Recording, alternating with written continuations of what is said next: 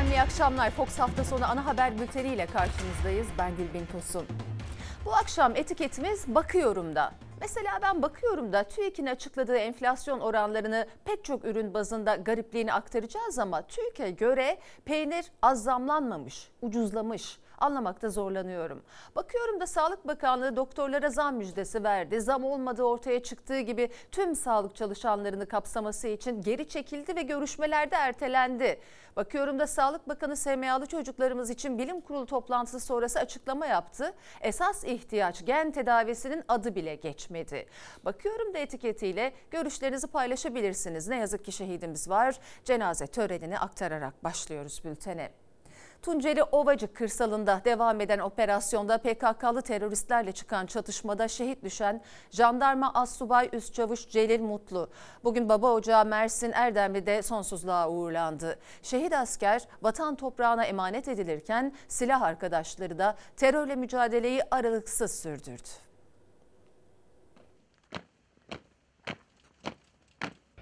Allahu Ekber. Acı haber Tunceli Ovacık'ta devam eden Eren Kış Altı Mercan Dağları operasyonundan geldi. PKK'lı teröristlerle çıkan çatışmada Assubay Üst Çavuş Celil Mutlu şehit düştü. Elazığ'dan baba ocağı Mersin Erdemli'ye getirilen şehit askerin naaşı gözyaşlarıyla sonsuzluğa uğurlandı. Şehidimize dünyaya ve ahirete taalluk eden haklarınızı helal ediniz. Tunceli Ovacık kırsalında bir mağaraya gerçekleştirilen operasyonda 3 terörist etkisiz hale getirildi. Mağarada sıkıştırılan teröristlere operasyon sürerken çıkan çatışmada jandarma Assubay Üst Çavuş Celil Mutlu şehadete ulaştı. 32 yaşındaki şehit asker evliydi. Eşi Melike Mutlu da 6 aylık hamile. Şehit Asubay Üst Çavuş Celil Mutlu evlidir. Şehidimizin ruhu şad olsun. Bir hafta önce falan da konuştuk. Kardeşim ne zaman geleceksin dedim. Ya herkes de onu merak ediyor dedi. Yani ben burada askerleri bırakıp da gidemem dedi. Yani bunları tam pişirmeden gelemem abi dedi. Bu şehit askerin abisi Hüseyin Mutlu'yla son konuşmasıydı. Acı haberin düştüğü Mersin Erdemli'de evine Türk bayrakları asıldı. Şehit askerin cenazesi Erdemli Ulu Cami'de kılınan cenaze namazının ardından sonsuzluğa uğurlandı. 9 tane terörist oraya geldi. PKK'lı teröristlerle mücadele sürerken İçişleri Bakanlığı Eren Kış 11 Şenya'yla şehit jandarma üsteğmen İsmail Moray operasyonunun başlatıldığını duyurdu. Diyarbakır ve Muş'ta devam eden operasyonda jandarma komandolar başta olmak üzere özel harekatlı güvenlik korucu timlerinden oluşan 1300 personel ve 84 operasyonel tim görev alıyor. Şehidimize Allah'tan rahmet yakınlarına başsağlığı diliyoruz. Ve siyaset gündemi. Siyasette ilk kez oldu. 11 milyonu aşkın oyu alan ana muhalefet partisi genel başkanı TÜİK'in enflasyon rakamlarını düşük açıkladığı gerekçesiyle bilgi almak için kuruma gitti randevu yok gerekçesiyle alınmadı. Cumhurbaşkanı Erdoğan TÜİK'in tavrını doğru buldu. Kılıçdaroğlu'na yüklendi. CHP lideri ise sizin duvarlarınız bize vız gelir dedi. TÜİK kavgası büyüyor. Dün saat 11'de Türkiye İstatistik Kurumu'na gittim. Yuh çekmeyin. Ben TÜİK'e sizin hakkınızı korumak için gittim. Ne oldu? Randevu vermediler. Gidip kapıda gösteri yaptı. Sanıyorlar ki o duvar bizi esir alacak. Duvarı aşmayacağız. Sizin duvarlarınız bız gelir bize. Bak Bay Kemal bundan sonra da devletin kurumlarına böyle randevusuz gidilemeyeceğini öğren. TÜİK kapısı önünde yaşananlar Kemal Kılıçdaroğlu ile Erdoğan'ı karşı karşıya getirdi. CHP lideri TÜİK'in açıkladığı enflasyon rakamlarından sonra soluğu kurumun önünde aldı ama kapı duvar oldu. Erdoğan da hem bu durumu savundu hem de TÜİK'in arkasında durdu. Kapı duvar. İlk kez Türkiye Cumhuriyeti tarihinde milletvekilleri bir yere giderken önümüze duvar ördüler. Bir insan davet edilmediği yere gidemez. Devletin bu kurumları senin Şamaroğlan'ın değil. Buralar ciddi kurumlardır. Senin gibi ciddiyetsiz değil. 14 milyon oy almış bir partinin genel başkanı. Sen kimsin TÜİK'in başkanı ya? Sen nesin? Atanmışsın. Ana muhalefet partisi liderinin TÜİK'te içeri alınmaması, güvenlik görevlilerince kapıların açılmaması siyasette tepkilerin odağı oldu. İkinci günde Kılıçdaroğlu TÜİK'e yüklenmeye devam etti. Erdoğan da sessizliğini bozdu. Ya Allah aşkına bunlar devletin memuru mu? Bunlar sarayın memuru mu? Devletin kurumları kalmamıştır. Şahsımın makamı Cumhurbaşkanının emir erleri vardır. Devletin kurumları ciddidir. Buralara öyle rastgele gidemezsin. Ve gidemeyeceksin de. Neden gittin? Türkiye İstatistik Kurumu'nun rakamları üzerinden milyonlarca kişinin aylığını düşük rakamlar üzerinden belirlemeye çalışıyorlar. Bu bir soygundur ve bunun hesabını sormak da milletvekillerinin en doğal hakkıdır. Bilim insanlarından oluşan ENAK yıllık enflasyonu 58 diye açıklarken TÜİK aylık enflasyonu 3, yıllık enflasyonu 21 olarak duyurdu. Muhalefete göre düşük açıklanan rakamlar çalışanların maaş zamlarından çalıyor. Ya arkadaşlar siz evinize eşiniz, çoluk çocuğunuz gidip alışveriş yapmıyor mu? Ekmek alırken, domates alırken görmüyor mu bunlar? Talimat gelmiş indireceksiniz. Memurlara çemkirmeyi iyi biliyor.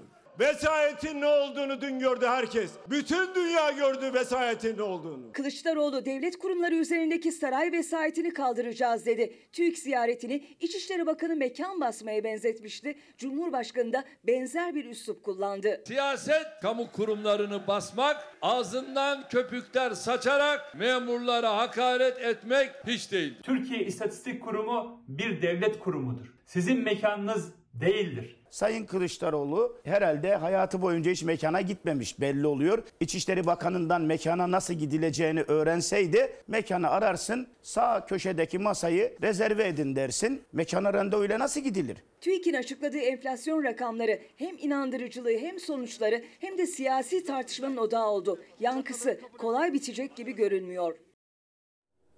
TÜİK'in enflasyon oranını hesapladığı fiyatların izini mahalle marketinde sürdük.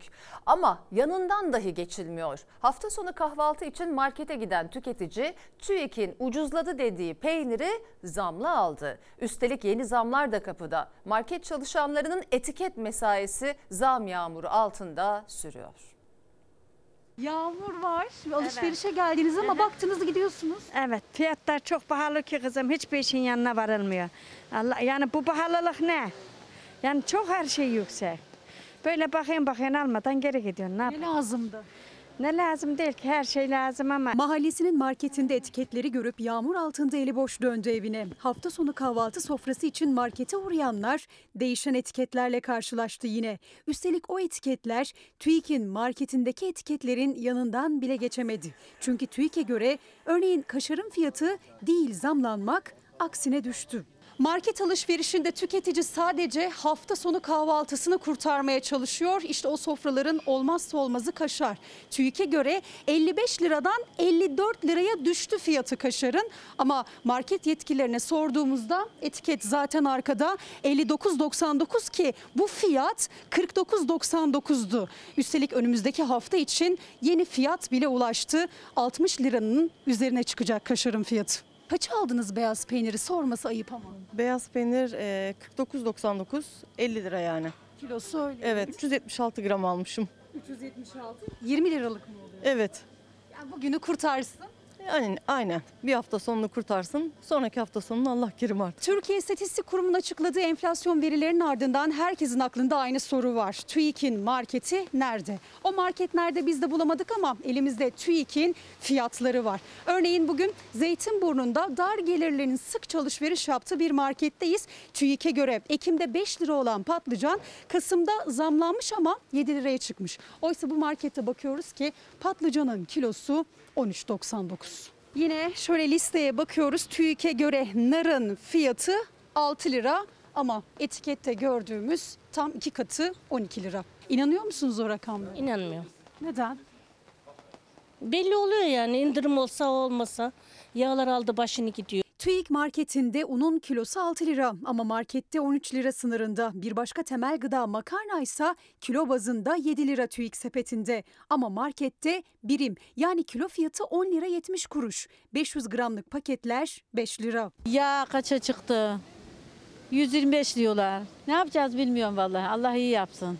İyi haber vermiyor. Üretici fiyatlarındaki rekor artış. Yeni zamların habercisi işte bu üfe ile tüfe arasındaki makas. TÜİK'in rakamları bile %50'nin üzerinde bir maliyet artışına işaret ediyor. Bu da etiket mesaisinin süreceği anlamına geliyor ki Market Sen üyesi çalışanlar hafta sonuna yine zamlarla girildiğinin haberini verdi. Dana kıymanın kilosu şu an 91 lira. Dediğim gibi et, kırmızı et saçı 90 liranın üzerine çıktı. Dana kıyma yerine şu an tavuk kıyma alıyorlar. Yani beyaz ete Kilosu ne oldu? 48 lira şu an tavuk. Yani tavuk da aslında çok ucuz değil. Ama TÜİK'e göre uygun fiyatlar. Tavuk etinin fiyatı 21,5 lira, dana etinin ise 68 lira. Tüketicinin arayıp da bulamadığı o markette. Bayramdan bayrama verirseler bir lokma et yiyoruz, bir vermezseler o da yok. Yani bir tavuğu bile alamaz, bir balık alamaz hale geldik. Ağlanacak halimize gülüyoruz deriz ya öyle iki tane mesaj var bizlere atılan ama vatandaşın elinden şu anda hiçbir şey gelmiyor. Emre Bey demiş ki lütfen sorar mısınız biz markete gidince TÜİK rakamlarıyla mı yoksa market rakamlarıyla mı alışveriş yapacağız? Bir diğer izleyicimiz de espriyi TÜİK yapacaksa Cem Yılmaz ne iş yapacak demiş biz haberle devam edelim. TÜİK verilerine göre 11 ayda otomobil fiyatlarına gelen ortalama artış bayilerdeki bir aylık kur farkı kadar. TÜİK araba fiyatlarını nereden aldığı verilere verilerle ölçüyor. O fiyatlara tüketici nereden araba bulur bilinmiyor ama belli ki arabada TÜİK'in araç bayisinden alınmalı. Bir taraftan çip krizini yaşayan otomotiv sektörü, diğer taraftansa kur kriziyle birlikte yaşanan yüksek fiyatlardan şikayetçi. Otomobil alacaksanız TÜİK'ten alın. En ucuz otomobil TÜİK'te. Çünkü bayilerde de uzmanların hesaplarına göre de araç fiyatları son bir senede neredeyse iki katına çıktı. Ama resmi rakamlar bu durumu doğrulamıyor. Öyle ki TÜİK'e göre Ocak ayından bu yana dizel araçlardaki artış %16,7. Benzinli araçlarda ise fiyat artışı 15,7. Kasım ayının son haftası ve Aralık ayının ilk haftası arasında %25 ila %60 arasında yeni araçlara zam geldi. Listeler neredeyse her hafta güncelleniyor bayilerde. Ama TÜİK'e göre Kasım ayında benzinli araç fiyatlarındaki artış %6,4. Dizel araçlarda ise artış %12,1. Oysa benzinli araç fiyatları bayilerde ortalama %31 arttı Kasım ayında. Fiyatlar arttıkça da yüksek vergi dilimi sınırından fiyatlandırılıyor araçlar. Yani KDV ve ÖTV ile sadece Kasım ayındaki artış tüketicide %50'lere yakın hissediliyor. Ama TÜİK'in hesaplarına göre fiyatlar gayet normal. TÜİK'e sormak gerekli. Kurun %50 arttığı, resmi enflasyonun %22, gerçeğinin %55 olduğu ülkede buna kim inanır TÜİK? Araç fiyatlarındaki resmi kayıtlarda artış makul sayılabilecek düzeyde. Oysa bayilerdeki sadece kur farkıyla doğan son bir aydaki artış bile TÜİK'in 11 aylık fiyat artışından fazla. Bugün 150 bin liralık ham bedele sahip olan bir otomobilin fiyatına gelecek 1 liralık artış otomobilin fiyatını 55 bin lira daha yukarıya taşımakta. Bu anlamda ÖTV sisteminin de tüketicinin otomobile ulaşabilmesi adına mutlak surette değiştirilmesi gerekiyor. ÖTV matrah dilimlerinin yeniden düzenlenmesi artık mecburi. Üretici maliyetlerinin artmasından dertli artan maliyetleri karşısında uzun süre zarara girmesinin ardından çiğ süt fiyatlarında %47 artışa gidildi. Yeni fiyatta 8 Aralık'tan itibaren geçerli olacak ama fiyat artışı daha uygulamaya girmeden yem yeniden zamlandı. Sosyal medyadan maliyet artışından şikayet eden üreticiye AK Partili Bursa Büyükorhan Belediye Başkanı Ahmet Korkmaz hakaret etti.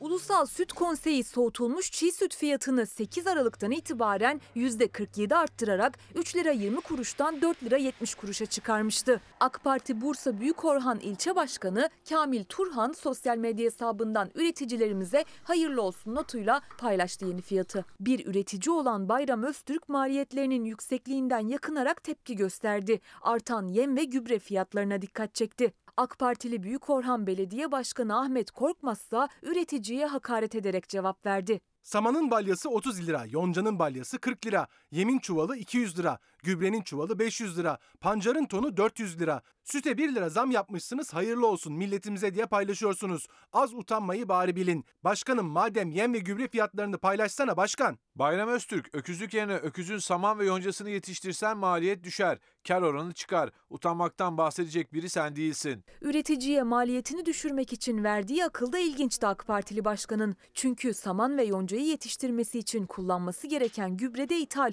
yani fiyatı dövize bağlı. Türkiye'de üretilen yemler de yine dolara bağlı çünkü gübre de ithalatta dayalı olduğu için. Üretici hakaret eşitliğiyle kaldı. Tam da artan maliyetler yüzünden zarar ettiği için hayvanlarını kesime gönderip hayvancılığı bırakmaya kararlıyken belirlenmişti yeni süt fiyatı. Üretici biraz olsun nefes alacaktı ki yeni süt fiyatı daha uygulanmadan en büyük gider kalemlerinden biri olan yem yeniden zamlandı. %28.6 oranında. Bir haftalığına bu yeni fiyatın geleceğinden dolayı bir memnuniyet vardı ve üreticiler kesimi durdurdular.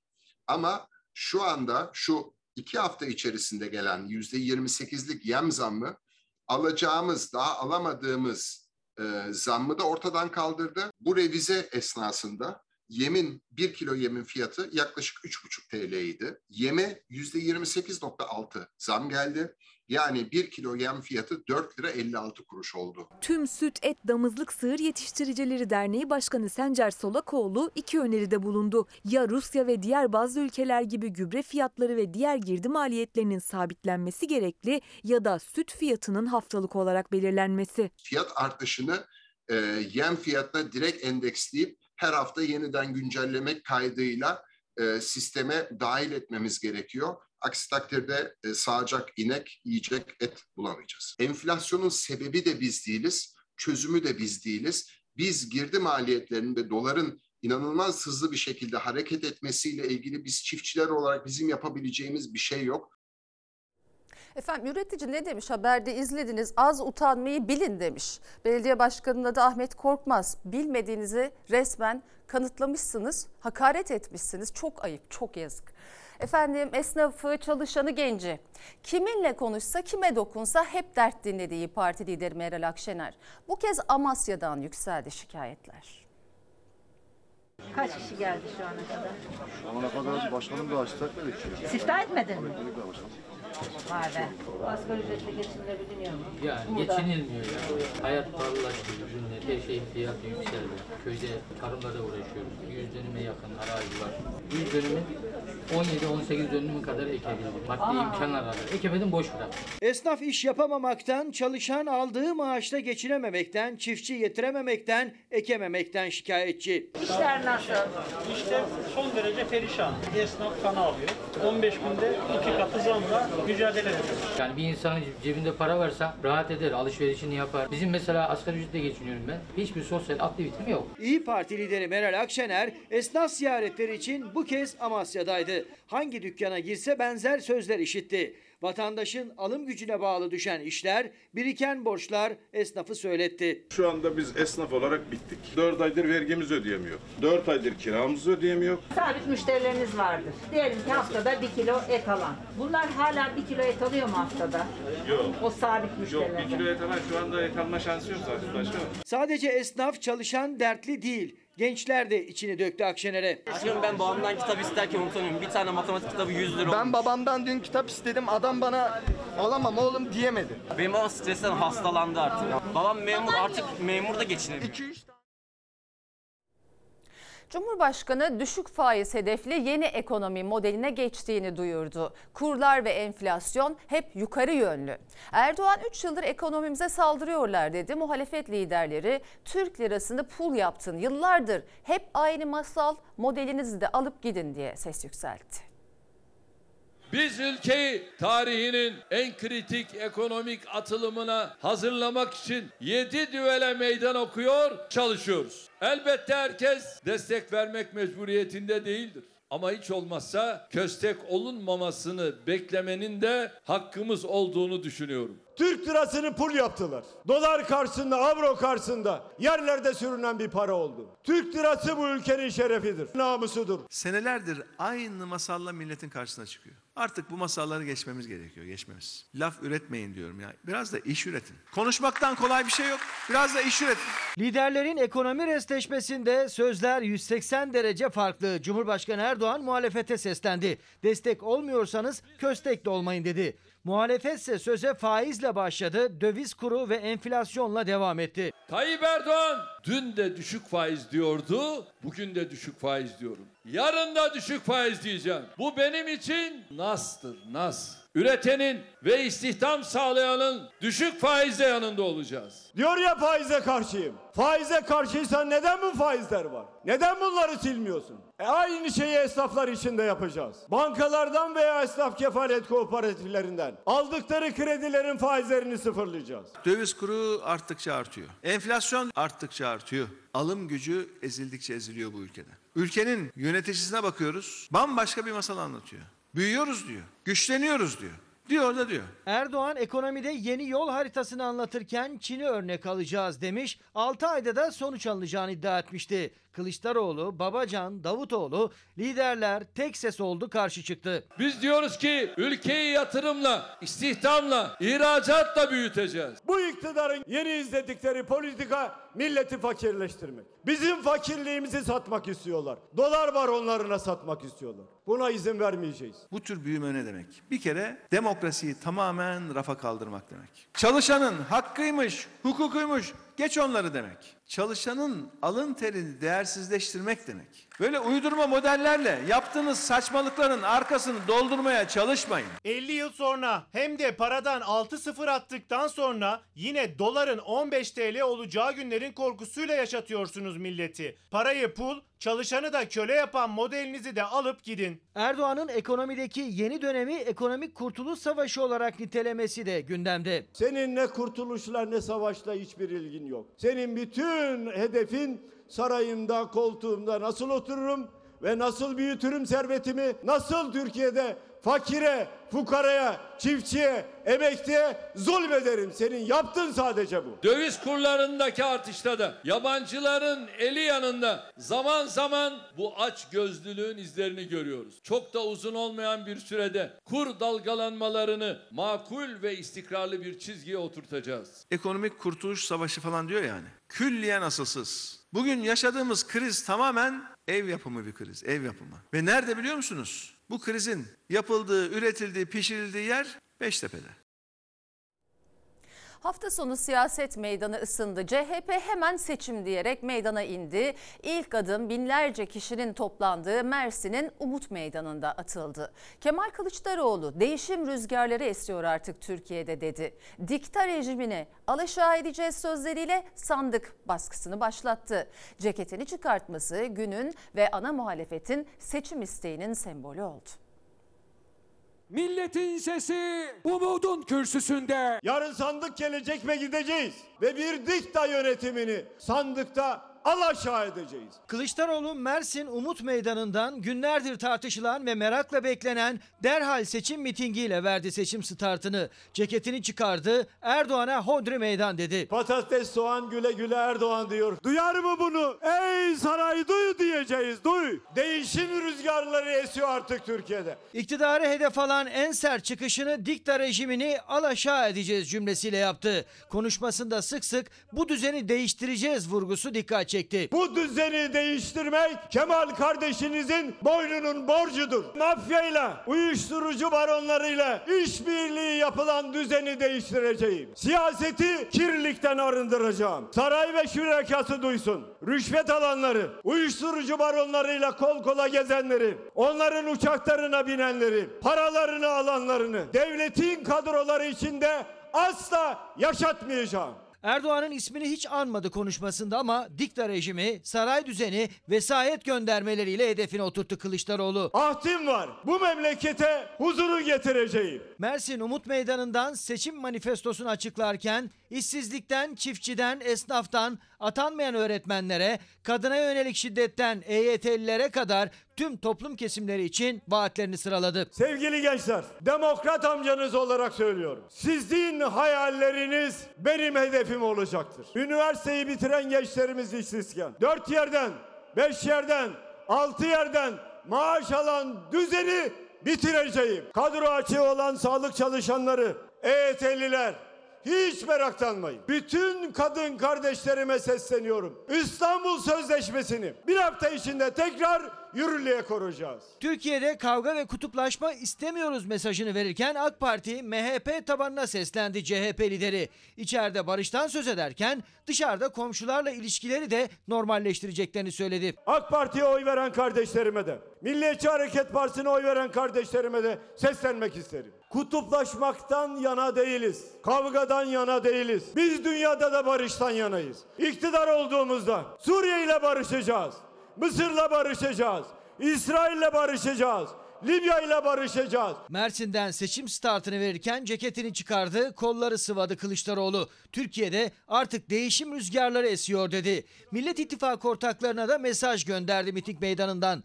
Dostlarımızla birlikte yapacağız vurgusu ve geliyor gelmekte olan sloganıyla. Mersin'den Hakkari'ye, Yozgat'a, Denizli'ye, Almanya'ya, Fransa'ya selam olsun. Geliyor gelmekte olan. CHP Genel Başkanı Kemal Kılıçdaroğlu'nun Mersin'de erken seçim için miting yaptığı saatte Cumhurbaşkanı Erdoğan'ın da Siirt'te açılış programı vardı. Ancak Erdoğan kürsüye yaklaşık bir buçuk saat gecikmeli çıktı ve CHP'nin Mersin mitingine göndermelerde bulundu. Her ne kadar erken seçim yok denilse de tıpkı seçim dönemlerindeki gibi iki lider meydanlardan da atışmaya başladı. Geliyor gelmekte olan Kılıçdaroğlu'na sesleniyorum. Bırak kamu kurumlarını basıp memurları tehdit etmeyi de siyaset meydanında çık karşımıza.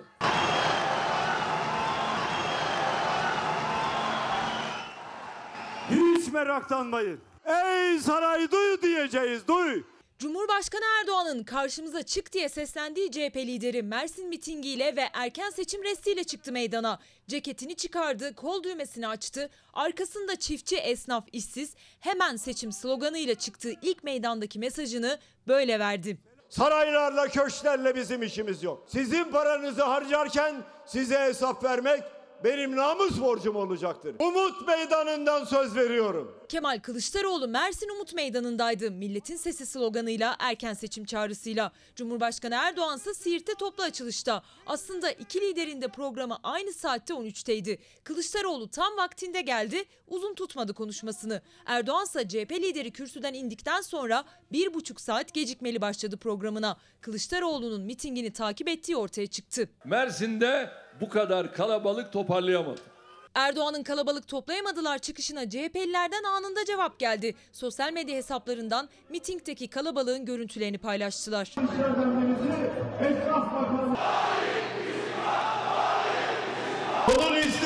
istifa etmesine gerek yok. Onu göndereceğiz zaten. Edeple göndereceğiz. Siyasette bu zat bizim sikletimiz değil. Başından sonuna 300 metrelik alana sığmadı Umut Meydanı'nda mitinge gelenler. CHP'ye göre 100 binden fazla kişi vardı. Meydana Türk bayrağı ve CHP bayrağı dışında pankart alınmadı. Camlardan, ağaçlardan izleyenler de vardı. Diyor ki bize daha büyük alan verilseydi orayı doldururduk. Ya sen önce şu anda topladığın kalabalık ortada. Resmi rakamlar elimizde. Mersin mitinginden elimde rakamlar var demiştin Erdoğan. Allah'ını seversen doğru söyle. TÜİK'ten mi aldın? Cumhurbaşkanı Erdoğan açılış programından Kılıçdaroğlu'nun Mersin mitingine kalabalık toplayamadın diyerek göndermede bulundu. Sonra da enerji projelerinin açılış kurdelesini kesti.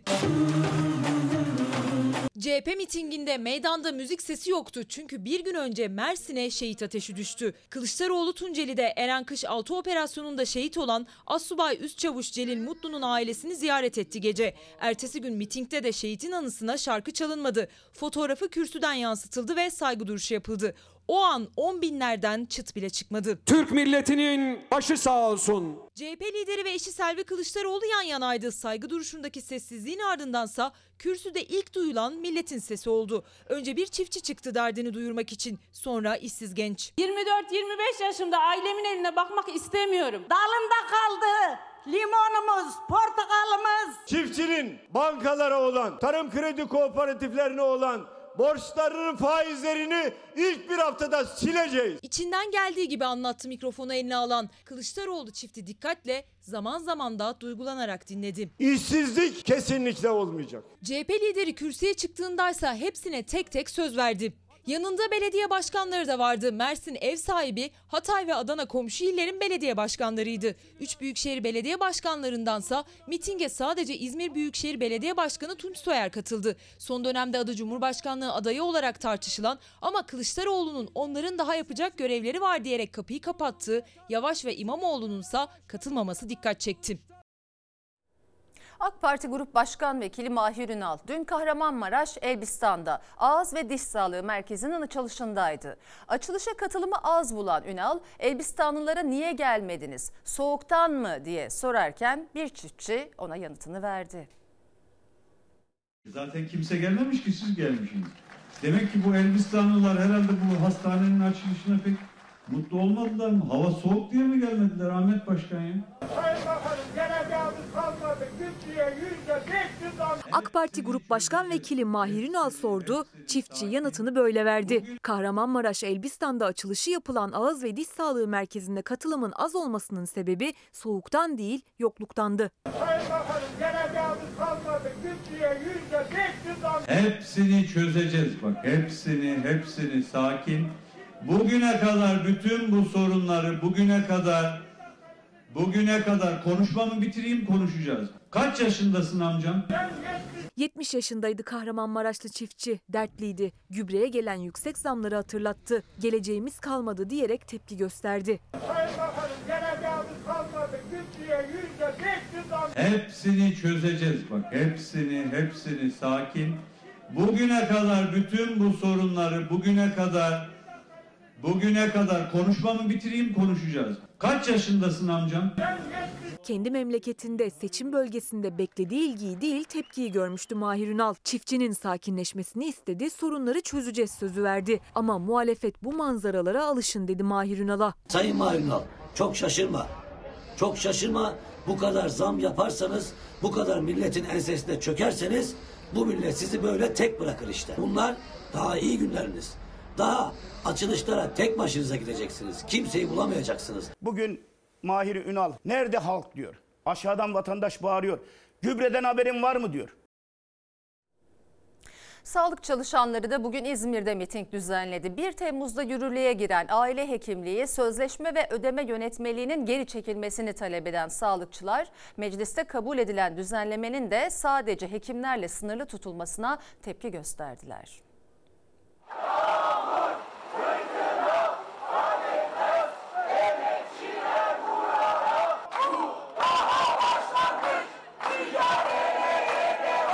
Sağlık çalışanları İzmir'de Gündoğdu Meydanı'nda bir araya geldi, miting düzenledi. Yağmura rağmen seslerini duyurmaya çalıştılar. Aile hekimliği sözleşme ve ödeme yönetmeliğinin geri çekilmesini talep ettiler. Biz sözleşmeye başından beri karşıyız zaten.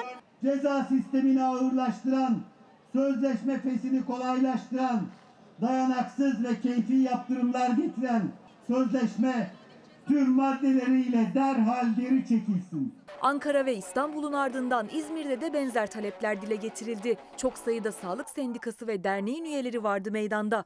Sağlık çalışanları mecliste kabul edilen ek gösterge zammının da aslında zam olmadığını, onun bile sadece hekimlerle sınırlı tutulmasına tepki gösterdi.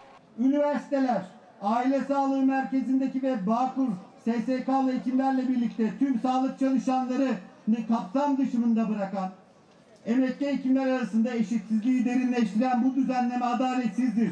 Hekimler verilen zamın çok daha fazlasını hak ediyorlar.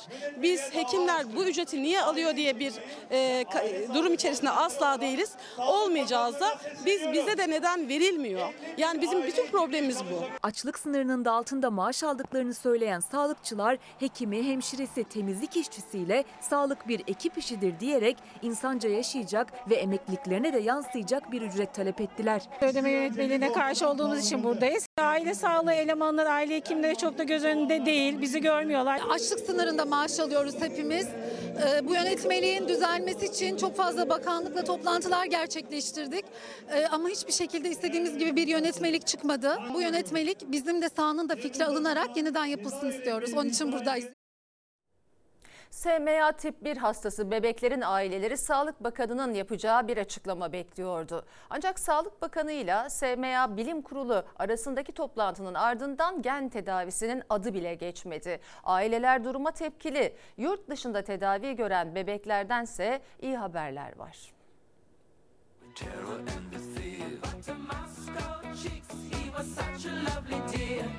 Parmakları dışında hiçbir yerini oynatamazken şimdi oyuncaklarına uzanıyor, o minik parmaklarıyla kitap, kalem tutuyor Pamir. Pamir bebek 2.4 milyon dolar bağış toplayıp yurt dışında gen tedavisi olmaya gitmeden önce kendi başına nefes bile alamıyordu. İlacın etkinliği görülürken ailelerin gen tedavisinin Türkiye'de karşılanması umudu yarım kaldı. Sağlık Bakanı Fahrettin Koca SMA Bilim Kurulu'yla yaptığı toplantı sonrası gen tedavisinin adını bile anmadı.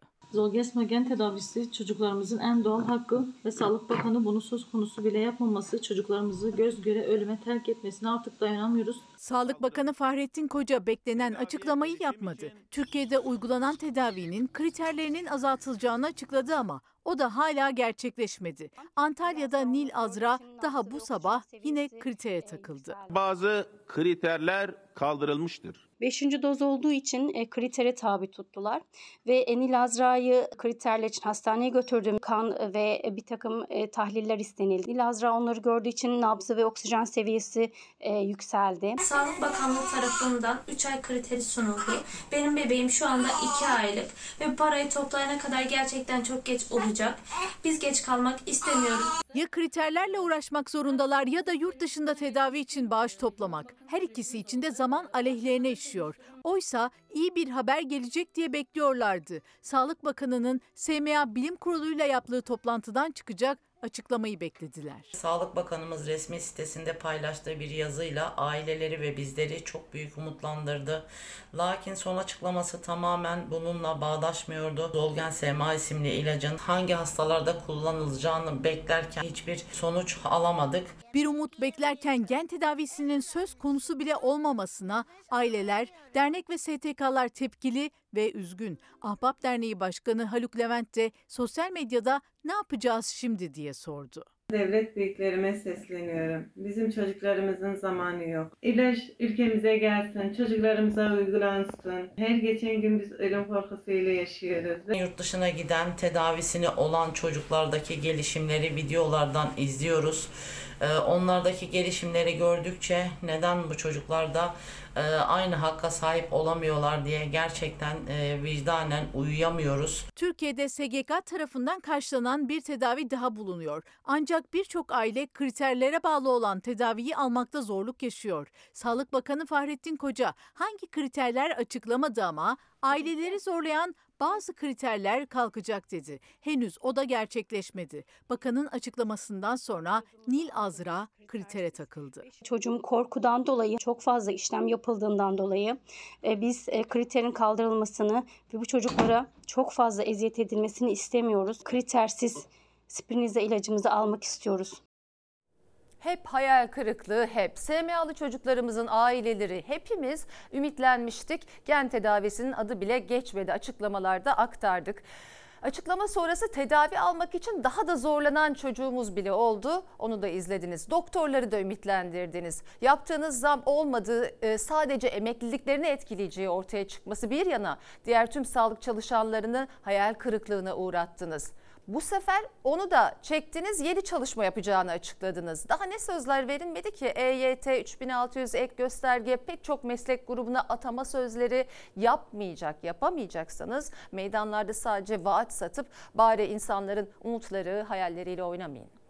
Sayın seyirciler dünya bir süredir Rusya ile Ukrayna arasında tırmanan gerilimle yatılıp yatıp kalkıyor. Rusya sınırın farklı noktalarına 200 bine yakın asker yığdı. Amerika Birleşik Devletleri Moskova'yı uyarırken ara buluculuk teklif eden Türkiye ile Rusya arasında kritik bir görüşme gerçekleşti. Cumhurbaşkanı Erdoğan Rusya lideri Putin'le telefon görüşmesi yaptı.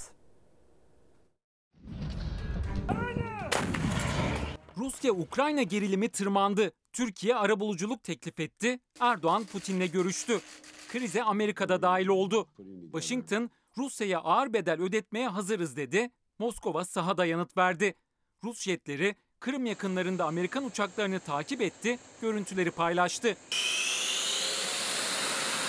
Dünyanın gözü bir süredir Rusya-Ukrayna sınırında. Gerilim yüksek.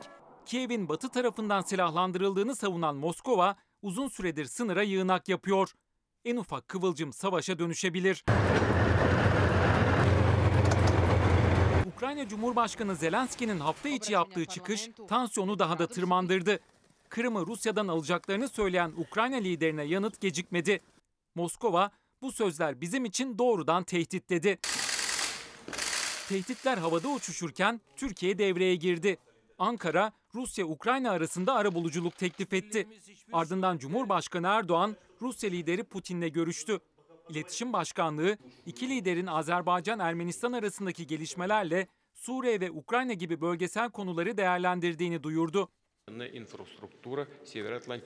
Görüşme ile ilgili Kremlin'den de açıklama geldi. Putin'in Ukrayna'yı Minsk anlaşmasını ihlal etmekle suçladığı belirtildi. Açıklamaya göre Rus lider görüşmede Kiev'in Türkiye'den satın aldığı Bayraktar silahlı insansız hava araçlarını da gündeme getirdi. Bundan duyulan rahatsızlığı Cumhurbaşkanı Erdoğan'a iletti. Ukrayna'ya en büyük destekse Amerika'dan geldi. Başkan Biden, Rusya'nın Ukrayna konusundaki kırmızı çizgilerini kabul etmeyeceklerini açıkladı. Biden ve Putin'in önümüzdeki günlerde tansiyonun düşmesi için telefonda görüşmeleri planlanıyor.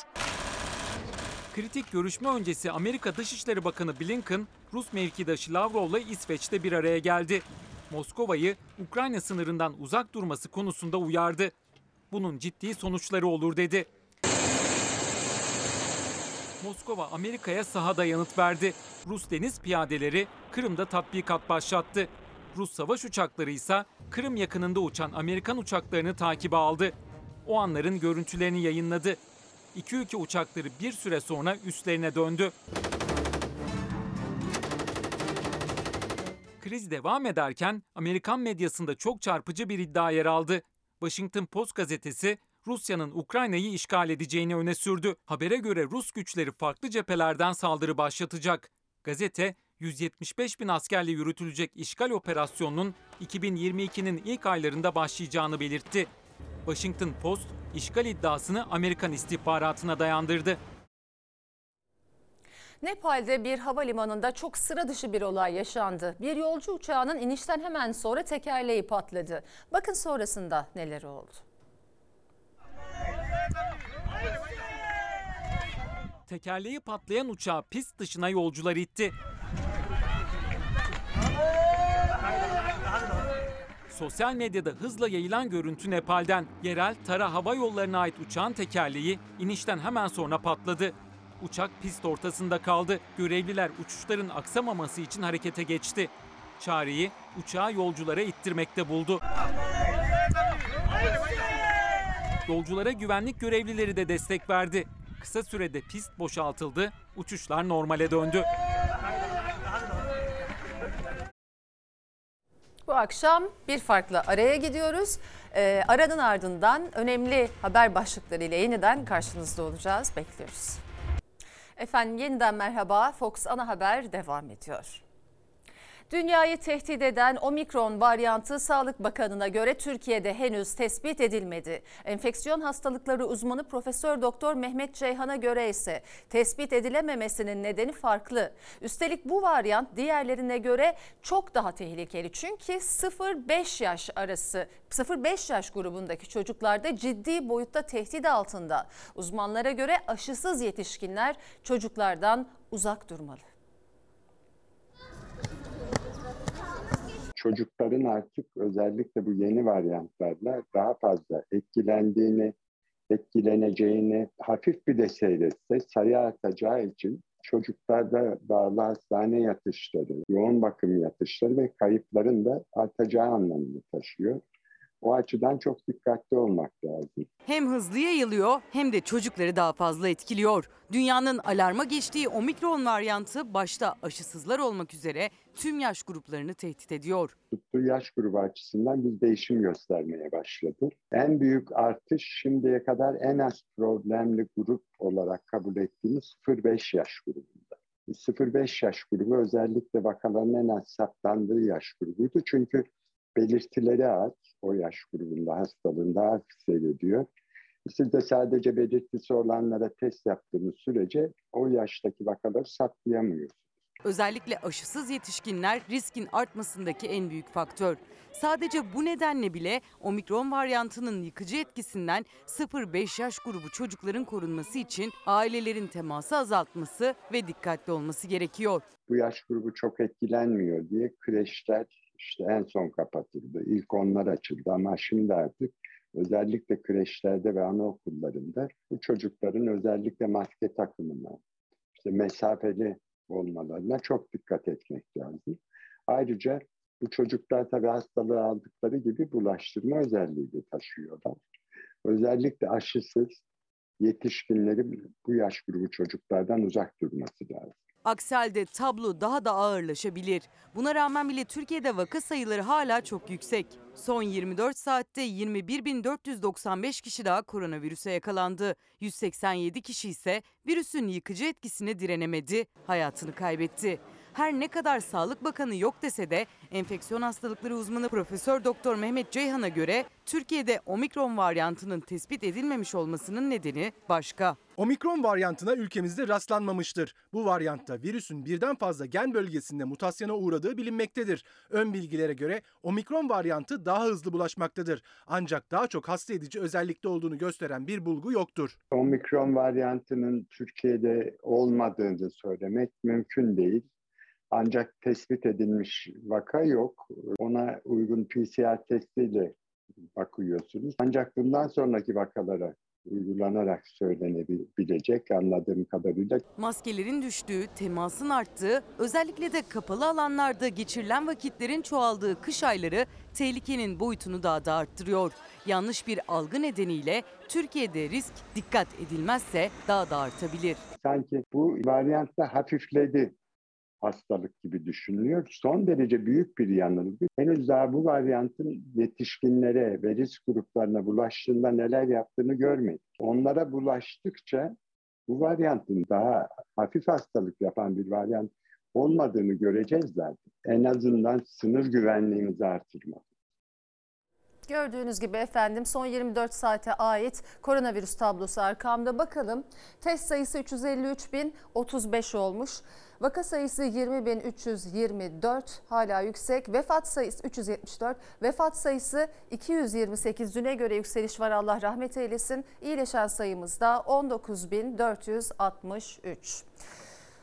Ve bakacağız dünyada durum ne? Covid-19'da mücadelenin sürdüğü dünyada da şimdi yeni varyant omikron endişesi yaşanıyor. Dünya Sağlık Örgütü omikronun 38 ülkede görüldüğünü açıkladı. Yeni varyantla ilgili Güney Afrika'dan gelen ilk verilerse pek iç açıcı değil. Yeni varyant 38 ülkeye yayıldı. Dünya Sağlık Örgütü her ülke hazırlıklı olmalı uyarısı yaptı. Birçok ülke aşısızlara karşı harekete geçti. Yasak ve kısıtlamaları gündeme aldı. Covid-19'a karşı aşıyı geliştiren Uğur Şahin, bu gidişle yeni aşıya ihtiyaç duyulacak dedi. No problem. Dünya iki yıldır koronavirüsle mücadelede. Geliştirilen aşılarla salgın kontrol altına alınmaya çalışılırken mutasyon kabusu baş gösterdi. Üst üste yeni varyantlar türedi. Covid-19'un önü bir türlü alınamadı. Bunların sonuncusu olan omikron varyantı Güney Afrika'da ortaya çıktı. Birçok ülke seyahat yasakları ve kısıtlamaları devreye soksa da virüs yayıldı. Son olarak Avustralya, İsviçre ve Norveç'te görüldü. İsviçre'de 2000 kişi karantinaya alındı. 1 Aralık'ta 23 ülkede omikron varyantına rastlanıldığını açıklayan Dünya Sağlık Örgütü dün bu rakamı güncelledi. Varyantın 38 ülkeye yayıldığını açıkladı. Bu ülkelerden biri olan Amerika'da omikronun yayılımı hızlandı. Yeni varyantın görüldüğü eyalet sayısı 5'e, hasta sayısı 10'a yükseldi. Biden yönetimi yeni önlemler için harekete geçti. İlk etapta Covid-19 önlemleri güncellendi. Toplu taşımada maske zorunluluğunu Mart'a kadar uzatma kararı aldı. Ayrıca yurt dışından dönen Amerikalılar iki doz aşılı olsalar bile yolculuktan bir gün önce test yaptıracak. Dünya Sağlık Örgütü'ndense endişelendiren açıklama geldi. Örgüt, yeni varyantın görüldüğü ülke sayısının hızla arttığını açıkladı. Omikrona rastlanılmayan ülkeleri hazırlıklı olmaları konusunda uyardı. Yeni varyantın ilk ortaya çıktığı Güney Afrika Cumhuriyeti ise Omikron'a ait ilk bilimsel verileri açıkladı. Bilim insanlarına göre Omikron daha önceki enfeksiyonla elde edilen bağışıklıktan kaçabilir. Ayrıca virüs önceki versiyonlarına göre 3 kat daha fazla yeniden enfekte etme yeteneğine sahip. Geçici verilere göre Omikron diğer varyantlardan daha bulaşıcı. Ülkede yeni varyantın ortaya çıkmasının ardından vaka sayıları daha önceki 3 dalgadan daha hızlı şekilde arttı. Omikron sonrası ilaç şirketleri de çalışmalara başladı. Koronavirüse karşı mRNA aşısını geliştiren Alman BioNTech'in kurucusu Profesör Doktor Uğur Şahin de konuştu. Var olan aşımızı Omikron varyantını hızlı bir şekilde uyarlamak için yeterli vakte sahibiz dedi. Uyarlanmış aşı için gelecek yılı işaret etti. Uğur Şahin, Covid-19'a karşı yeni bir aşıya ihtiyaç olacağını da belirtti.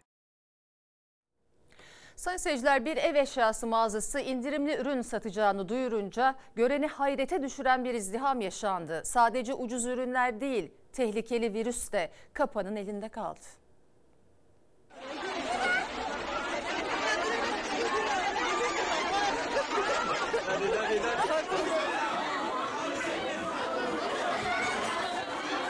Çığlık çığlığa, maskesiz, mesafesiz, ucuz ve indirimli ürün alıp bütçelerini rahatlatmak isteyenler sağlığını bir kenara attı. Tam da yeni varyantın hayatları daha da riske attığı günlerde izdiham yaşandı. Halkımıza ucuz e, vermenin hesabı içerisinde biraz kar marjını düşünmeksizin Düşünülmeyen bir de salgındı. Van'da yeni açılışı gerçekleştirilen bir alışveriş mağazası uygun fiyatlı satış yapacağını duyurunca önce kapısına akın etti yüzlerce kişi. Hem mağazanın önünde adım atacak yer yoktu hem de caddede metrelerce kuyruk vardı. Ne ararsanız var. 26 bin çeşidimiz var. Herkese yetecek malımız var. Züccaciye çeyiz takımı ve mutfak eşyalarını daha da ucuza alabilmek için de tüm bu çaba. Görevliler zamanı bekledi ama kapılar zorlandı. Bir kadın kucağında küçücük bebeğiyle içeri girmeye çalıştı. Mağazanın içinde de adım atmak güçtü. Ürünler kapanın elinde kaldı. Ama aynı zamanda virüste. Sosyal mesafe zaten imkansızdı. Bir de maskesizdi çoğu kişi. Gürültünün içinde herkes birbirine bağırarak seslendi. Ucuzluk sağlığın bir kez daha önüne geçti. 18 yaşındaki İpek Ere cinsel saldırıda bulundu. Eski uzman çavuş Musa Orhan 10 yıl hapis cezası aldı. Ceza az bulundu ama esas vicdanları yaralayan Musa Orhan'ın tutuklanma talebinin reddedilmesi oldu. Ortada bulunan cinsel nitelikli cinsel istismar suçunun 10 yıl cezaya gitmesine karar veren mahkeme heyeti bu konuda neden tutuklama yapmamıştır? Cinsel saldırı suçundan 10 yıl ceza aldı ama tutuklanmadı. 18 yaşındaki İpek Er'e cinsel saldırıda bulundu eski uzman çavuş Musa Orhan. O dışarıda, İpek Erse artık hayatta değil. Musa Orhan yargılandığı davada suçlu görülse de verilen ceza 10 yıl. Tutuklanma talebinin mahkeme tarafından reddedilmesi kamuoyunda tepkiye neden oldu. Kadın Hakları Dernekleri ve hukukçular da karara tepkili. Mahkeme heyetinin e, bu anlamıyla e, kimi neyi niçin koruduğu sorusunu sormamız gerekmiyor mu? Biz de federasyon olarak soruyoruz. Musa Orhan'ı kim, neden, niçin koruyor? İpek Er 18 yaşındaydı. Temmuz 2020'de uzman çavuş Musa Orhan'ın kendisine cinsel saldırıda bulunduğu iddiasıyla Siirt Cumhuriyet Başsavcılığına başvurdu. Genç kız 11 gün sonra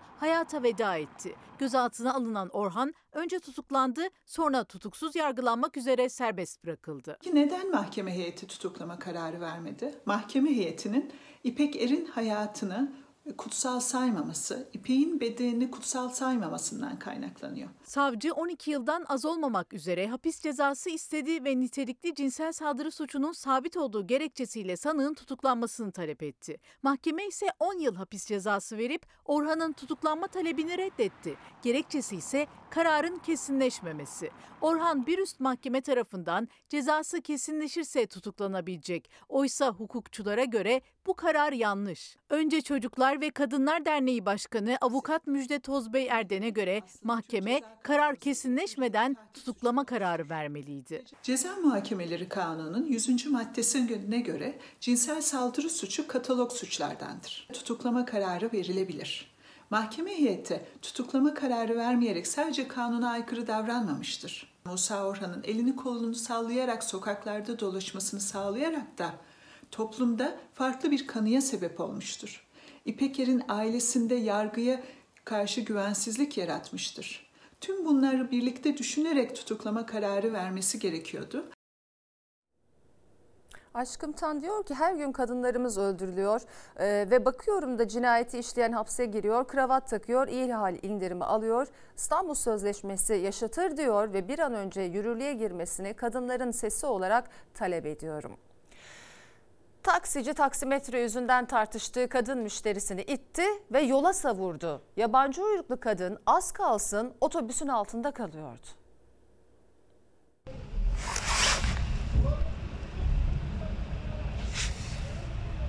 Taksici ile müşteri arasındaki bu tartışma az kalsın ölümle bitiyordu. Şoförün itip yere düşürdüğü kadın otobüsün altında kalmaktan son anda kurtuldu.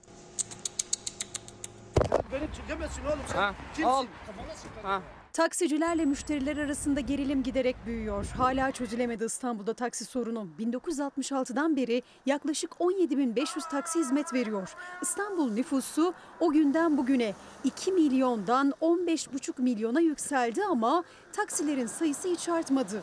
Plakaları değerlendikçe borsaya dönüştü. Taksi sürücülerinin müşterileriyle ilişkileri de bozuldu. Kısa mesafe yolcu almamaktan İş mi tabası var ya? İşin var mı? Var mı? Var.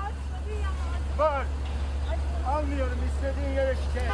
para üstü tartışmalarına kadar. Esnaf sen misin ben Değişim miyim? saati, değişim saati. Ben ne bileyim şey değişim saati. Bana ne soruyorsun ya kaçıncı yaptın? Bana mı denk geldin hep ya? Son olay Beyoğlu'nda yaşandı. Sabah 7.30 sıralarında Aksaray'dan taksiye binen turist kadın Taksim'e gitmek istedi ve yaklaşık 5 kilometre ilerideki Tarlabaşı bulvarında indi. Şoförün taksimetrenin 50 lira tuttuğunu iddia etmesiyle aralarında tartışma başladı. İtişme kadının yere düşmesiyle sona erdi. Sabah olmasına rağmen hala karanlık olan havada bulvardan geçen otobüs eğer kadını görüp son anda frene basmasaydı belki de hayatta olmayacaktı. Çevredekiler yardıma koşarken İBB kameralardan tespit ettiği şoförü buldu ve şoförlük belgesini iptal etti.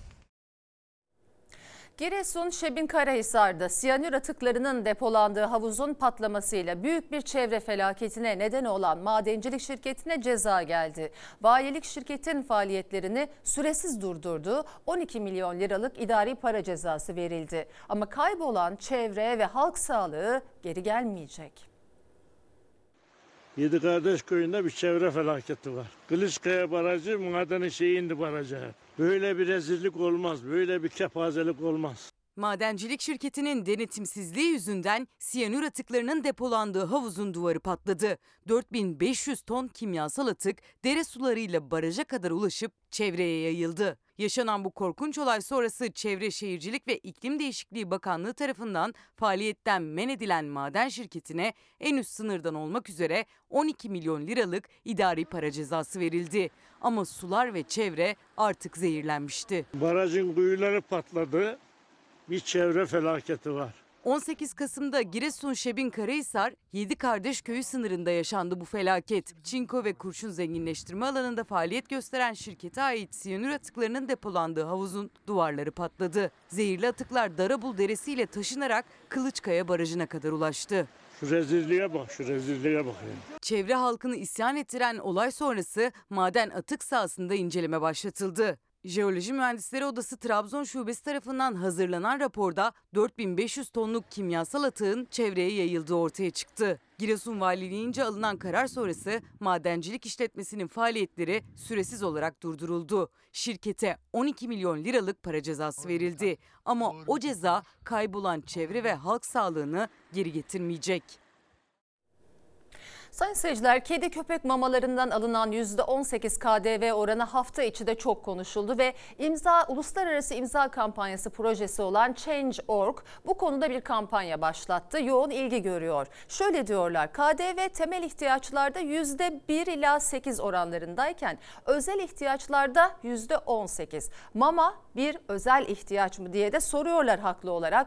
İndirilmesini talep ediyor tüm hayvanseverlerde. Çocuk maması ve e, bezinden bile KDV indirimi yapılmazken çok umudum olmasa da siz yine de imzanızla destek vererek farkındalığı artırabilirsiniz. Belki de sesimizi duyururuz. Ancak sokak beslemesi yapmayan ve imkanı olan izleyicilerimize de seslenmek istiyorum. Eğer bir cana hayata değer veriyorsanız çok daha zorlanacakları kış aylarında güvendiğiniz hayvan derneklerine bağışta bulunabilirsiniz. Bir de bütçeleri aynı kalan veteriner işleri müdürlükleri bile stokları bittiğinde mama dağıtımında zorlanacaklar bu kış. Tüm belediyelerin acilen o bütçeleri artırmalarını temenni ediyorum. Ve efendim şimdi araya gidiyoruz. Efendim Fox hafta sonu ana haber bültenini burada noktalıyoruz. Fox'ta yayın El Kızı'nın yeni bölümüyle devam edecek. İyi bir akşam geçirmenizi diliyoruz. Hoşçakalın. Dostuma her köşesi cennetin